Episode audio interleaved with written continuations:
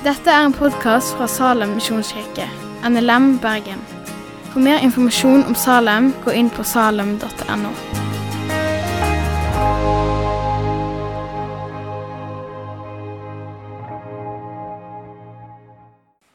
Det er fint å se dere. Egentlig burde alle hatt seg en tur opp på podiet av og til og sett utover forsamlingen sin. Eh, For det er noe med fellesskapet. Å på en måte se fellesskapet litt sånn i sin helhet. Eh, Ja, jeg heter altså Runa Mulli, som ble sagt. Veldig fin intro du hadde til møtet i dag, Kristin. Du fikk faktisk sagt litt av det som jeg har lyst til å si òg. Jeg jobber altså som fastlege på Askøy, har gjort det i mange år, og er nok litt yrkesskadd av det. Eh, Med det så mener jeg at de gangene jeg står på et podie og snakker, som ikke er så veldig ofte, men av og til, så lyser det nok ofte gjennom at, eh, at jeg, eh, jeg brenner litt for mennesker og for mennesker sine ekte liv. Jobben min består egentlig å, å være så heldig å komme ganske tett på mennesker i ulike situasjoner.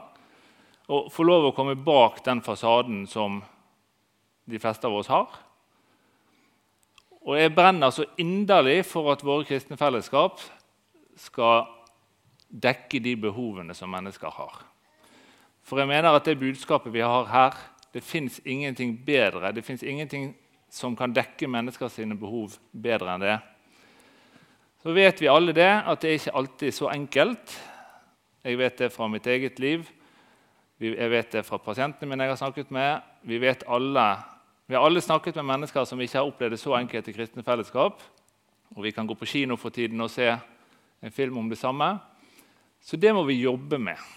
Det er bare lyst til å si det i starten. Vi må jobbe med fellesskapene våre, sånn at vi kan dekke de ekte behovene og ta vare på hverandre og lede hverandre sammen inn til Gud. Men så er jeg altså ganske ny i Salem, meg og min familie. Og da vil jeg bare si hvis alle blir så godt tatt imot i Salem som vi er blitt, så er det bra. Ja. Det har vært en fryd å finne sitt hjem i Salem. Jeg gleder meg over å være her, og jeg er blitt så glad i fellesskapet og i menneskene her. Og det syns jeg Ja, det har jeg lyst til å si. Fantastisk fellesskap som har tatt utrolig godt imot oss.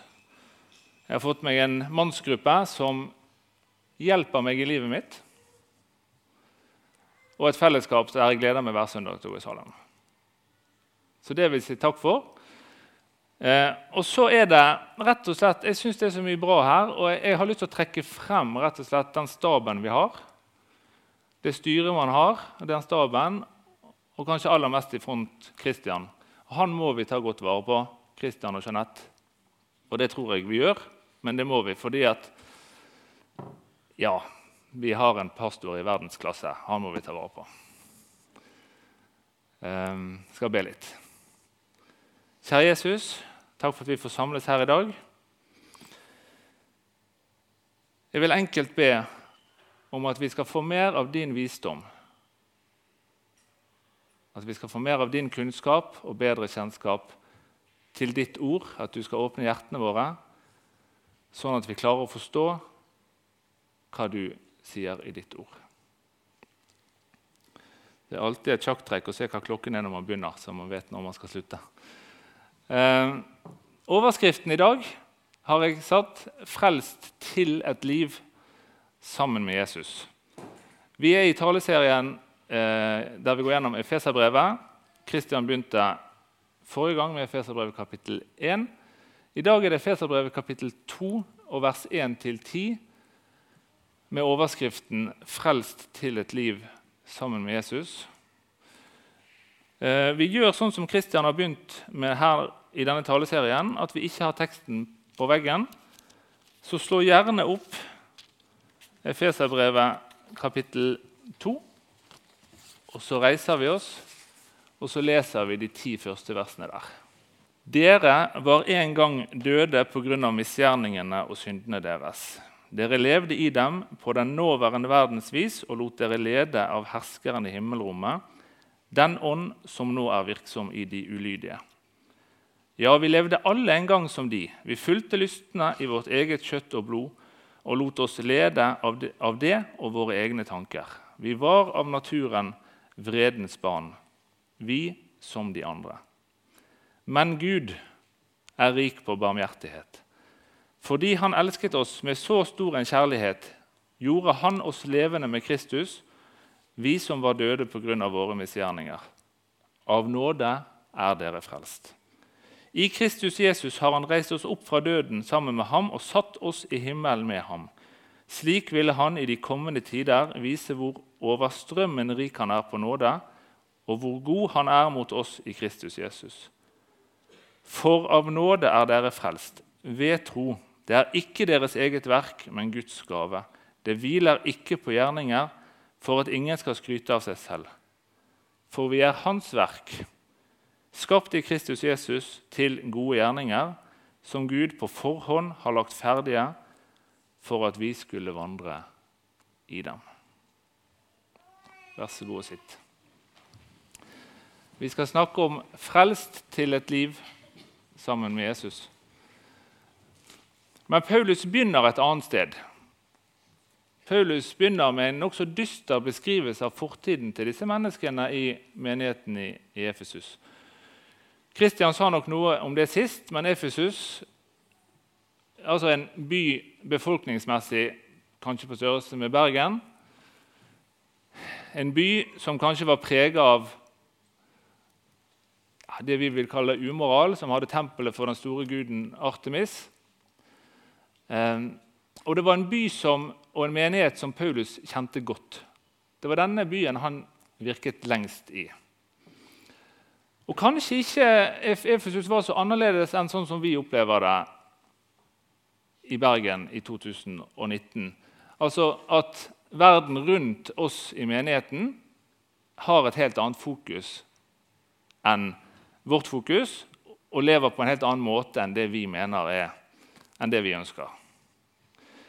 Og Så beskriver Paulus ganske dystert fortiden til disse menneskene i eh, menigheten Efesus, og så tar han seg sjøl med i det. Vi vet godt at Paulus hadde en fortid han ikke var så stolt av. Og så er jeg så glad for at Paulus begynner nettopp der. Han begynner ikke med å si takk for at dere i menigheten Efesus at dere er en spesiell elite. At dere alltid har mestret alt. Han begynner med å beskrive dem som helt vanlige mennesker med helt vanlige og nokså krevende fortider. Og Det er mitt første poeng i dag, som jeg er så glad for at Paulus hjelper oss med å få frem her. Evangeliet er for alle. Og Hvis vi skal være lydige mot Paulus og Bibelen og Jesus i det som står her, og i, i måten Jesus levde på, så trenger vi å utfordre perspektivene våre i forhold til hvem evangeliet er for, og hvem menigheten er for. Det er lett for at vi mer eller mindre ubevisst kan anklage andre, de som er utenfor oss. Og det er òg lett for at vi mer eller mindre ubevisst kan anklage oss sjøl for å på en måte ikke være god nok i forhold til det Gud krever. Og Det var du inne på, Kristin. Ehm, det er ikke sånn at den personen i denne byen som lever det livet som ser verst ut, er noe lenger vekke fra Gud enn den som lever det livet som ser best ut. Sannheten er egentlig at vi er like langt fra Gud alle sammen, eller like nært Gud, fordi det ikke handler om oss. Det handler om at Gud kommer oss i møte. Og Det får Paulus så fint frem her i vers 4, som vi leste. Og Der forklarer han eh, hvorfor det er sånn at evangeliet er for alle. For vers 4 der står det 'men Gud'. Jeg håper at mange av dere fikk med dere talen som Kristian hadde på UL i sommer. Hvis ikke, så ligger nok den på nettet fantastisk tale der Kristian fikk stå foran et fullsatt Kongeparken Amfi, eh, fullt av ungdommer. Og så fikk han si og legge ut om hvordan Bibelen er full av de to ordene 'men Gud'.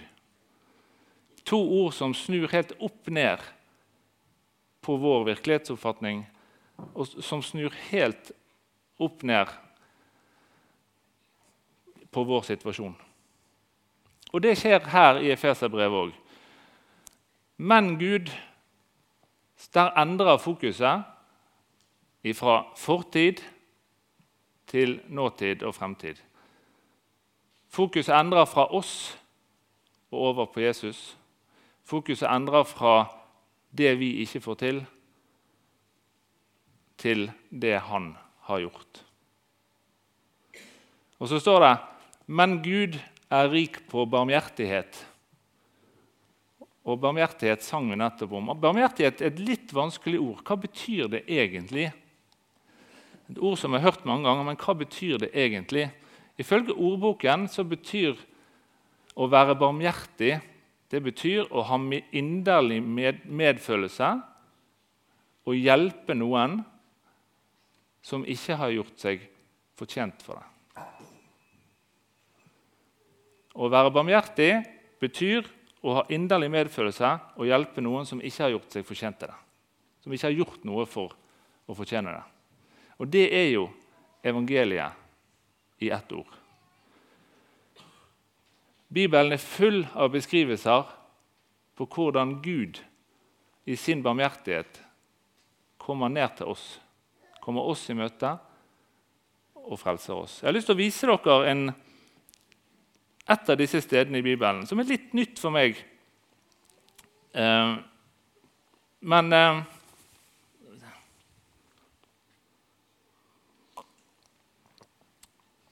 eh, I profeten Zakaria, kapittel 3 Vi skal ikke lese hele det nå, men det vil jeg gjerne tipse dere om. Gå gjerne hjem og les profeten Zakaria, kapittel 3. Der er det en sånn nydelig frelsesbeskrivelse. Eh, det er Zakaria som får et syn. og Der ser han øverstepresten Josva som står foran eh, Gud og foran Herrens engel. Eh, og så står det at mens Satan sto på hans høyre side for å anklage ham. Litt det samme som jeg sa i stad. Vi vet alle hva det vil si å være anklaget fra andre, fra samme sted som Josfa ble, og fra oss sjøl. Men hør hva Gud sier til Satan, som anklager Josfa. Herren sa til Satan, 'Herren refser deg', Satan. Det betyr Gud går, an, Gud går inn og sier, 'De anklagene vil jeg ikke ha noe av' så var det ikke sånn at det ikke var noe å anklage Josfa for. For det står litt lenger nede så står det Josfa var kledd i skitne klær der han sto foran engelen. Josfa er her et bilde på oss mennesker. Josfa var kledd i skitne klær der han sto foran engelen. Satan hadde egentlig rett når han anklaget han. Men Gud går inn og sier, 'Det vil jeg ikke ha noe av.' Og så sier han, ta av ham de skitne klærne. Og så sier han direkte, Herrens engel direkte til Josfa. Se, jeg tar bort din skyld og kler deg i festklær. Det et av de mange bildene i Bibelen på frelsen vår. Jeg tar av deg de skitne klærne og kler deg i festklær. Og Gud gjør det samme for oss. Han tar av oss de skitne klærne, han kler oss i, festklær i sin barmhjertighet, som handler om at det er ikke noe vi har gjort oss fortjent til. Og Derfor så jeg tror jeg det er så viktig for Paulus, hvis vi er tilbake i Efeserbrevet så er det så viktig for Paulus å skrive det som han skriver i vers 8 og vers 9, der, som er de mest kjente versene fra Efeserbrevet. For der understreker han alt dette gratis, altså nåden. Festklærne som en gave som vi ikke har gjort oss fortjent til. Efeserne 2, vers 8 og 9. For av nåde er dere frelst ved tro. Det er ikke deres eget verk, men Guds gave. Det hviler ikke på gjerninger for at ingen skal skryte av seg selv. Dette er jo fundamentet i det vi tror på. En Gud som strekker seg ned til oss mennesker, tar de skitne klærne av oss og kler oss i festklær. Og det er helt gratis. Vis meg den religionen eller den livsfilosofien som kan slå det. Vis meg den måten å leve på som er bedre enn å få hvile i det. Ehm, dette er noen av de mest kjente versene i Bibelen. Som, som jeg sa, de, de, definerer troen vår, de definerer evangeliet. Enormt viktig at vi forstår dem. Men av og til så tror jeg kanskje at vi legger litt mer i de ordene enn det som er ment.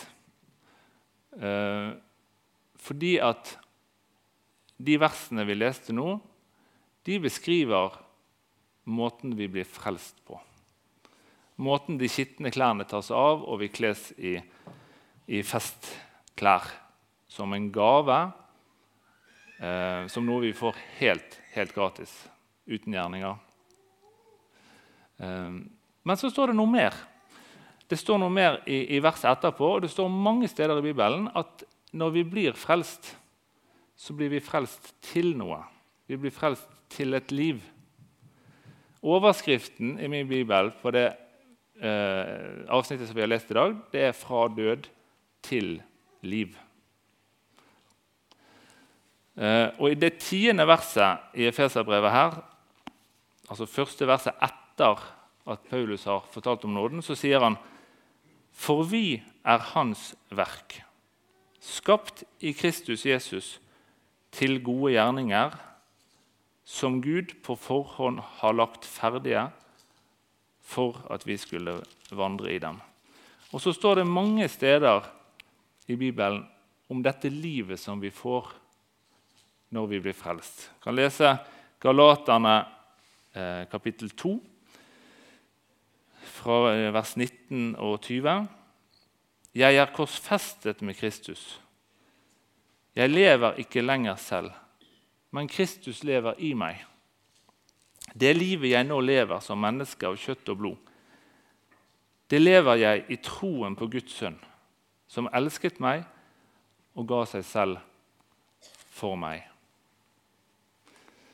Vi må ikke frarøve oss det livet som Gud gir oss.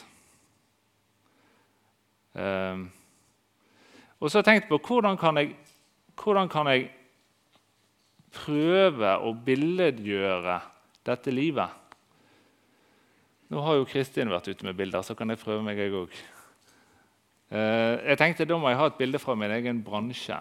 Uh, kanskje ikke fra fastlegebransjen, det er ikke sånne ting jeg driver med der. Men, men følg meg i et bilde. La oss si at en person er utsatt for en alvorlig ulykke og mister begge beina fra knærne ned.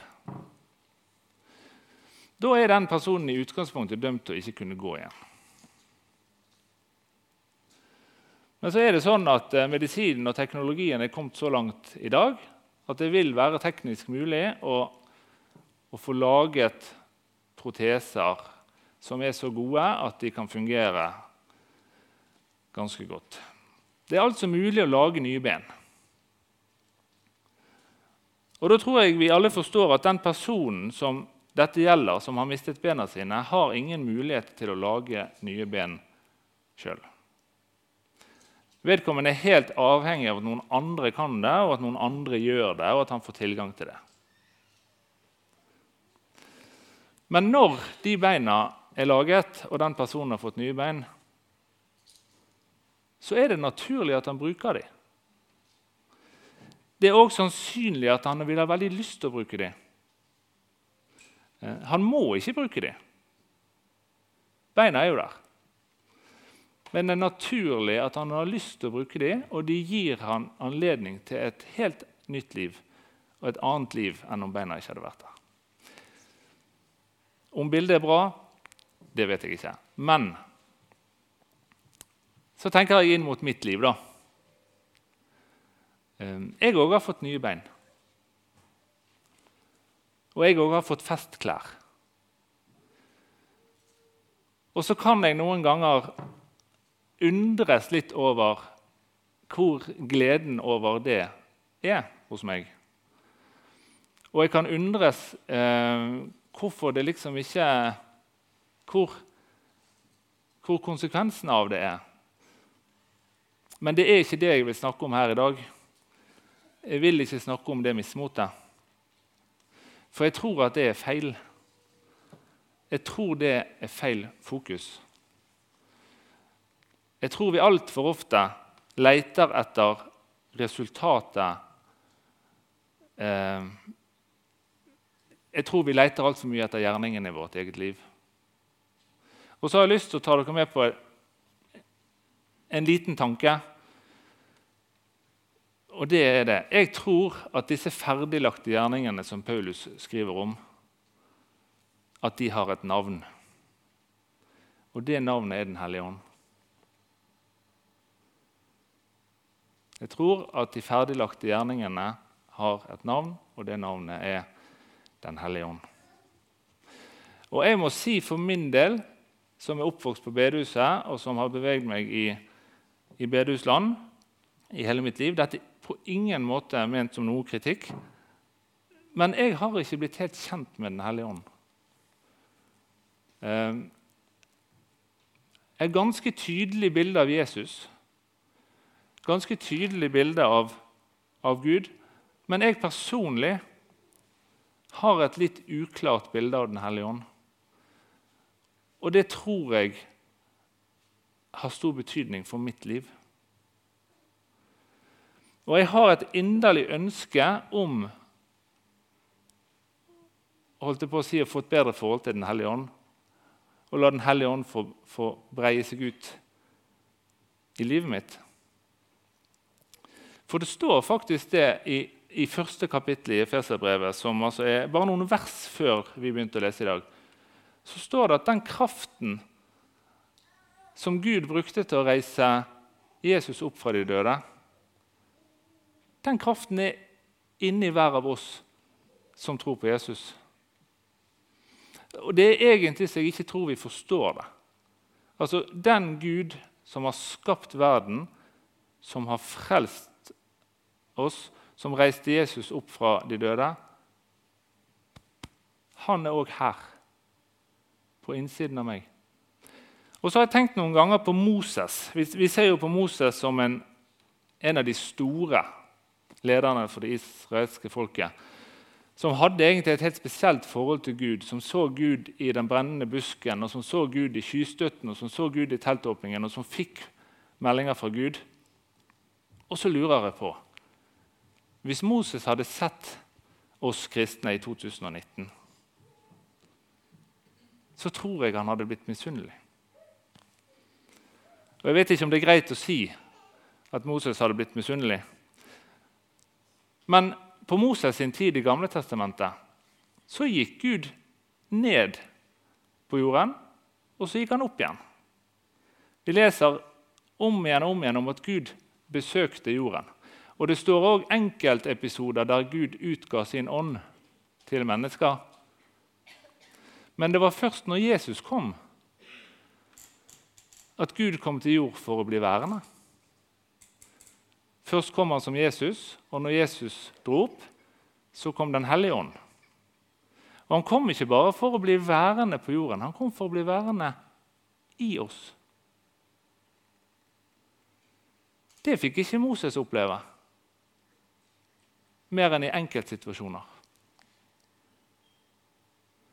Jeg tror Moses hadde lengtet etter det samme som vi har tilgang til. Og så tror jeg kanskje han hadde tenkt han hadde lurt på om vi har forstått det. At vi faktisk har Gud på innsiden. For det jeg tror er så lett for oss, er at vi blir så opptatt av hva vi skal gjøre, og de gjerningene vi skal få til i vårt kristenliv, og så prøver vi egentlig på egen hånd. Og så mislykkes vi gang på gang, for det får vi jo ikke til. Jeg klarer ikke å endre livet mitt på egen hånd noe sånn voldsomt. Jeg tror at hvis vi prøver å tenke at det er ikke fokuset på gjerningene i seg sjøl som er vår oppgave, men det som er vår oppgave, er hvor vi retter oppmerksomheten vår, eh, og hvor vi retter fokus. Og jeg tror det er to steder vi bør rette fokus. For det første bør vi rette fokus på Jesus. I Kolosserbrevet kapittel 3 så står det Er dere da reist opp med Kristus, så søk det som er der oppe, ikke det som er på jorden. Vi bør rette fokus på Jesus. Men så bør vi òg rette fokus på den Gud som bor i oss, altså Den hellige ånd. Og ja, rett og slett be Den hellige ånd om å breie seg ut i livene våre. Gi ham plass. Jeg tror at Hvis vi retter fokus på Jesus og Den hellige ånd, så vil det gjøre noe med tankene våre, prioriteringene våre, livene våre. Efeserbrevet kapittel 1, som Kristian snakket om sist, det sier mye om hva vi har i Jesus. I Han som er der oppe. Det er i Han vi er frelst, vi er rettferdige, vi er rene, vi er plassert med Han i himmelen. Og det er helt gratis. Derfor skriver Paulus her for av nåde er dere frelst, av tro. Det er ikke noe dere har gjort sjøl. Det er i Jesus. Men så er det en interessant tanke at det er ikke bare vi som er i Jesus. Gud er òg i oss. Den hellige ånd bor i oss. Og det gjør at Paulus, etter at han har skrevet 'Av nåde er dere frelst ved tro', så kan han si det er noe mer. Fordi Gud bor i oss. De ferdiglagte gjerningene bor i oss. Og Den dobbeltheten er det som gjør at disse versene kan stå sammen. Det er mange som sier at kristendommen er kjip at det er en tvangstrøye av dårlig samvittighet som hemmer oss. Jeg har lyst til å si at kristendommen er fantastisk.